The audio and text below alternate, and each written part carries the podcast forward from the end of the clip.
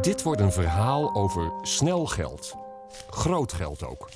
Soms wel een paar ton waarover binnen enkele uren een besluit moet vallen. Maar het gaat ook over een gepassioneerde museumdirecteur die jarenlang op een heel merkwaardig schilderij jaagt. Je hebt een beetje achtergrondinformatie nodig om de komende minuten in het juiste perspectief te beluisteren. Deze podcastserie is een initiatief van de vereniging Rembrandt. Dat is een club die de openbare kunstcollectie in Nederland wil steunen. Van schilderijen via Japanse lakkisten en bronzen zwaarden tot reusachtige speelklokken. Ze geven geld aan musea voor aankopen en ze willen de kennis over kunst vergroten. Nou, die vereniging heeft aan BNR gevraagd om audioverhalen te maken over de vaak bizarre wijze waarop kunstvoorwerpen in het museum komen. En daar luister je nu naar. Heel af en toe krijg ik een belletje met wat suggesties voor onderwerpen die misschien interessant zijn. Mijn contactpersoon bij de vereniging Rembrandt is Marloes van Leersum. Ze nam een paar weken geleden contact met me op. Luister maar even mee. Hoi Gerard. Hoi. Uh, ik heb een tip voor jou. Uh, we kennen zoiets als de gangprocedure. En die is ervoor bedoeld dat op uh, belangrijke kunstbeurzen, zoals de TEVAF in Maastricht, we heel snel kunnen beslissen of we musea financieel kunnen helpen. En dan gaat het meestal om best een bedrag en een heel korte tijdspan, want daar lopen ook privéverzamelaars rond uh, van over de hele wereld, die ook in diezelfde week uh, eventueel hetzelfde werk zouden willen verwerven. Dus in plaats van maanden van aanvragen en fondsen werven, moeten ze het dan heel snel kunnen beslissen. En om ze daarbij te helpen, zorgen we ervoor dat dan het hele bestuur aanwezig is, zodat we ze meteen kunnen vertellen of we ze financieel kunnen helpen. Mijn naam is Gerard Oonk. Dit is Eenmaal Andermaal met Margriet en het snelle geld. Voor alle duidelijkheid, de vereniging Rembrandt laat me volledig vrij om wel of niet met hun suggesties aan de gang te gaan. Ik pik dus de pareltjes. In dit geval was mijn nieuwsgierigheid meteen geprikkeld. En wel hierom.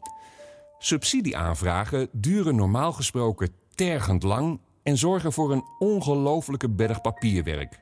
Blijkbaar kan het dus ook anders. Want Marloes wekte de indruk dat het besluit over de toekenning van geld ter plekke wordt genomen. Ergens in een wandelgang, op bijvoorbeeld de TEFAF. Ik ben eerst maar eens op bezoek gegaan bij Arend Fok. Hij is ondernemer op de Amsterdamse Zuidas en de voorzitter van de vereniging Rembrandt. Ook hij noemt meteen de TEFAF, een grote toonaangevende Europese kunstbeurs die jaarlijks in Maastricht wordt gehouden. De bestuursleden komen er graag. Het is zo dichtbij dat het hele bestuur het fantastisch vindt om naar die TEFAF te gaan. Ehm, gewoon om hun ogen uit te kijken. Want uiteindelijk is die TEFAF één grote snoepwinkel waar alles te koop is. En wat wij dan doen, wij hebben een WhatsApp-groepje van al die bestuursleden. En als er dan zoiets zich voordoet, als er dus een, een museum, bij monden van de directeur, een beroep op ons doet, dan sturen wij vliegensvlug een appje rond en zeggen: We zijn om kwart over drie in stand 212 en daar komt iedereen dan naartoe. We, we zetten in de WhatsApp niet eens wat het, waar het over gaat, dat vertellen we ter plekke. En ja, dan zijn vele bestuursleden vaak buitengewoon enthousiast dat er zoiets moois en zoiets ambitieus wordt ontdekt. En dan is het natuurlijk een kwestie van uh, het controleren van de kwaliteit, of het werkelijk past, of het past binnen de collectie van het museum, of het een kunsthistorisch relevant werk is. En last but not least is het ook ongelooflijk belangrijk dat het past binnen de collectie Nederland. De TEFAF trekt jaarlijks zo'n 80.000 bezoekers, waarvan ongeveer de helft uit het buitenland. Onder die kunstkijkers zijn vertegenwoordigers van grote internationale musea, zoals van het Louvre en van het Museum of Modern Art.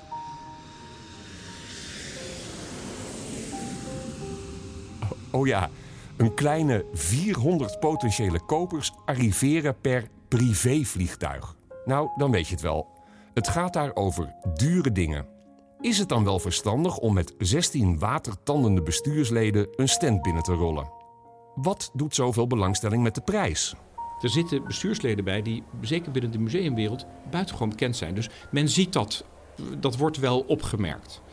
Um, maar ja, we moeten het op een of andere manier doen. En we vragen dan om enige coulance, dat we daar even met elkaar naar kunnen kijken. We proberen dat wel een beetje omzichtig te doen. Ehm, en dan kan je je afvragen, goh, op zo'n TFAF, dat is toch een commerciële beurs, dat zal de prijs dan wel opdrijven. Maar dat is vaak niet het geval. Want als wij kunnen laten zien dat we bezig zijn om een aankoop te doen voor een van de grote of een van de musea in Nederland, dan is dat voor die galeriehouder een geweldige trouvaille, een geweldige aanwinst. Dus het is niet zo dat dat een prijsopdrijvend effect heeft. Bovendien betalen wij maar zelden de prijs die er op het kaartje staat. In 2015 wordt op de TEVAF een schilderij aangeboden van de Belgische surrealist René Magritte. Het heet Le Miroir Vivant, de levende spiegel. En het is een van de 42 woordbeelden die Magritte aan het begin van zijn carrière heeft gemaakt. Je kent misschien wel zijn bekendste werk, Ceci n'est pas une pipe. Je ziet een zeer realistisch geschilderde pijp met daaronder de tekst: Dit hier is geen pijp. Totale verwarring bij de kijker. Want hoe moet je die tegenstrijdigheden in taal en beeld opvatten? Karel Blotkamp is emeritus hoogleraar moderne kunst aan de Vrije Universiteit. Ik hoop van hem enig houvast te krijgen. Uh, ja, Magritte heeft altijd, denk ik, ook vanaf ongeveer 25 zich heel erg geïnteresseerd voor taal naast het beeld. Hè? Dus zoals hij in zijn beelden die vreemde combinaties maakt en onmogelijke uh, situaties schildert. Zo probeert hij daar met taal ook nog een soort extra dimensie aan te geven. En dus zijn titels zijn heel belangrijk, maar hij heeft ook een flink aantal schilderijen gemaakt. Zeker een paar jaar, heel veel, zo in de tweede helft jaren twintig, tientallen schilderijen wel, waarin hij teksten gebruikt binnen het beeld. In een curieus schoolschrift, heel schools, schrijft hij dan die woorden alsof je op het schoolbord schrijft. En dat is dan de uitdrukking van hoe hij de taal manipuleert of uh, de onbetrouwbaarheid van de taal ook aangeeft. Hè? In hoeverre valt taal samen met de werkelijkheid? Uh, wat is als we een woord vogel zeggen, maar je schildert dat dan bijvoorbeeld onder een, uh, een boom? Wat gebeurt er dan met je? Wat doet dat in ons hele systeem van ons in de wereld uh, ophouden. dat, dat geeft een soort verwarring en dat heeft hij eigenlijk onderzocht in die taalschilderijen. Ingewikkelde materie hoor. Voor mijn gesprek met Karel Blotkamp zag ik vooral humor in het werk van Magritte.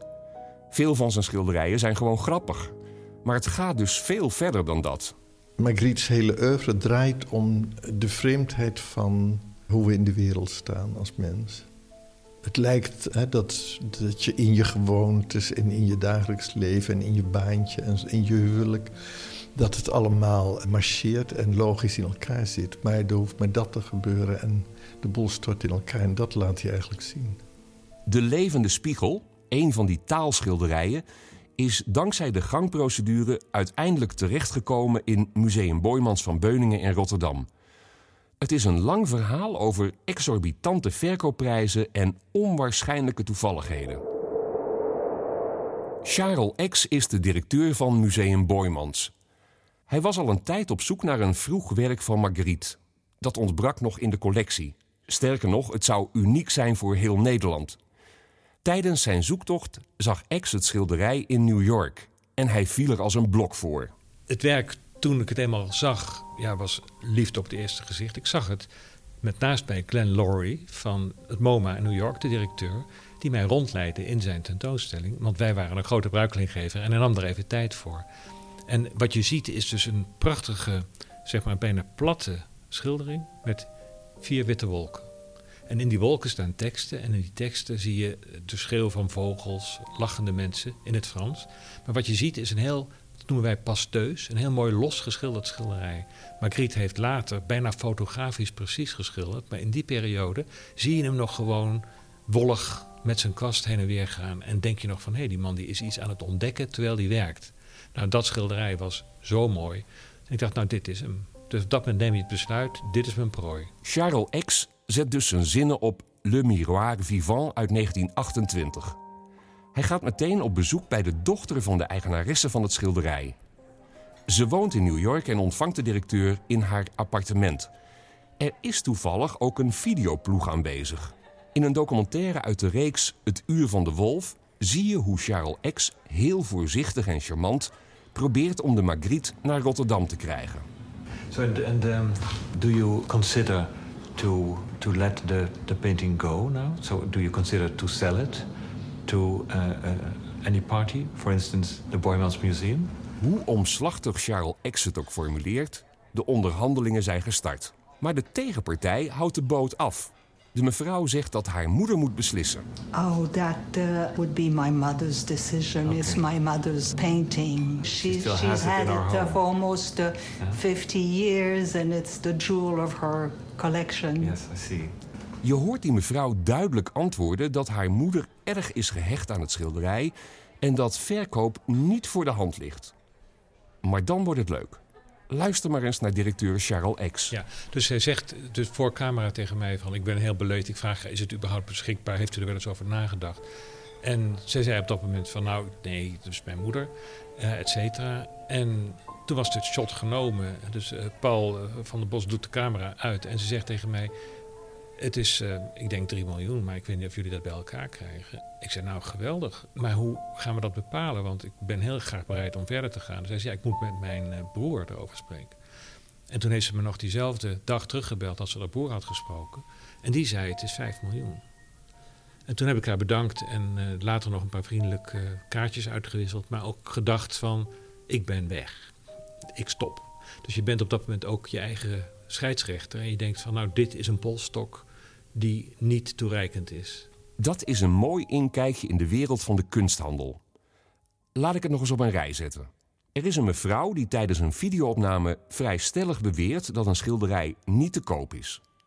Vijf minuten later, als de camera is ingepakt, blijkt de mevrouw van gedachten veranderd en noemt ze een bedrag van 3 miljoen. Weer een uurtje later, na een telefoontje met haar broer, is het plotseling 5 miljoen geworden. De directeur van Boymans moet zijn prooi loslaten, want hij weet dat hij bij geen enkel fonds de handen op elkaar krijgt voor deze vragenprijs. Het is gewoon te veel. Hij is hevig teleurgesteld, maar moet zich erbij neerleggen. Anderhalf jaar later gaat Charles X naar de TEFAF. Gewoon om eens rustig rond te kijken wat er allemaal wordt aangeboden. Dat doet hij eigenlijk ieder jaar. Nou ja, je voelt hem waarschijnlijk wel aankomen. De TFAF is altijd gewoon de eerste dag meteen het meest spannend. En veel mensen denken het is verdoorgestoken kaart, maar er hangt van alles wat je niet weet. En wat je ook niet kunt weten, tenzij je vooraf toegang hebt. Maar dat is maar heel uh, zelden zo. Ik was daar en had de afspraak met mijn zakelijk leider, Ina Klaassen, om een uurtje samen te lopen. Want zij wilde wel eens weten wat dat was. Want ik kwam altijd wel weer hoog de botel terug voor de TFAF. Of hadden andere verhalen over de TFAF. En we liepen nog maar net uh, een paar bochten om. En in één keer staan we daar in de galerie van de bekende kunsthandelaar die veel doet in het surrealisme. En zeker Magritte. En daar hangt verdikke Le Miroir Vivant. En we zagen het tegelijkertijd. En ik schoot meteen weer in mijn... dacht van, oh nee, niet weer. Zo van, nee, dat niet. En Ina, die zag dat en die zei van... hé, hey, moet je niet eens in actie komen? En dat was het moment dat ik dacht van, je hebt ook gelijk ook. Dus toen heb ik meteen de handelaar, Verdovi, heb ik aangesproken en gezegd... hey, ik zie dat u dit schilderij hier heeft. Uh, ik zei, wat is de prijs? Nou, daar kwam wat, nou en toen was het dus 3 miljoen. En dat was het bedrag waarmee Charles X durft aan te kloppen bij een aantal fondsen. Hij nodigt meteen het bestuur van de vereniging Rembrandt uit om naar de stand te komen. De gangprocedure bewijst haar nut. Le Miroir Vivant verhuist naar Rotterdam. Museum Boymans kan uiteindelijk een nog completer overzicht bieden van het werk van Magritte. Maar goed, voor hetzelfde geld had het ook opnieuw mis kunnen gaan. Je weet inmiddels dat de directeur al behoorlijk baalde toen het de eerste keer in New York fout ging. Eigenlijk had hij in eerste instantie helemaal geen zin om opnieuw een aankooppoging te doen. Het was dat zakelijk leider Ina Klaassen zo aandrong. Luister aan het eind van dit verhaal maar eens welke impact die onderhandelingen op een directeur hebben. Als het mislukt, dat is verschrikkelijk. Want dan wordt dus eigenlijk iets wat jij heel zeker weet, wordt niet erkend. En dat is een, nou ja, dat is bijna niet draaglijk. Je slaapt slecht als het mislukt. Gewoon, het is gewoon niet leuk. Weet je, je denkt van, wat doe ik eigenlijk nog in dit vak? Als ik niet meer effectief ben op dit gebied, dan vind ik het niet meer interessant om dit te doen. Want je moet wel je gunfactor. Je begint aan allerlei dingen te denken die te maken hebben met of het terecht of ten onrechte is dat je dit overkomt. Het gaat meteen over effectiviteit en over vaardigheid en over de combinatie van kennis en passie en woorden en strijd en taal en energie en noem maar op. Je bent gewoon aan het knokken. Als het wel lukt, dan is dat natuurlijk een grote een groot gevoel van geluk en van gelukzaligheid. Waarbij die stukken ook, nou ja, een soort van neefjes, nichtjes, nou misschien wel kinderen van je worden. Waarbij je ook je route in het museum er altijd op afstemt dat je er minstens één keer per dag langskomt. Je kijkt hoe het ermee gaat. Je bent oplettend als iemand er naar vraagt, als het, het door een collega wordt gebruikleed. En die je dus ook dichterbij hebt. Wat er ook met zo'n schilderij gebeurt, hoe die ook hangt, wie er ook naar vraagt, of die gerestaureerd moet worden of niet. Je volgt dat met grotere aandacht. En je probeert ze ook natuurlijk op een bepaalde manier eh, voor te trekken. Want je weet dat dat de stukken zijn die het verschil maken. En dat is niet jouw verschil, maar wel het verschil dat je in een collectie die al 170 jaar langzamerhand tot stand komt, kunt aanbrengen. Dit was een van de twaalf afleveringen van een podcastserie over bijzondere kunstvoorwerpen en hun tocht naar de museumzaal. Eenmaal andermaal is een initiatief van de Vereniging Rembrandt gemaakt door BNR. Luister ook naar de elf andere afleveringen.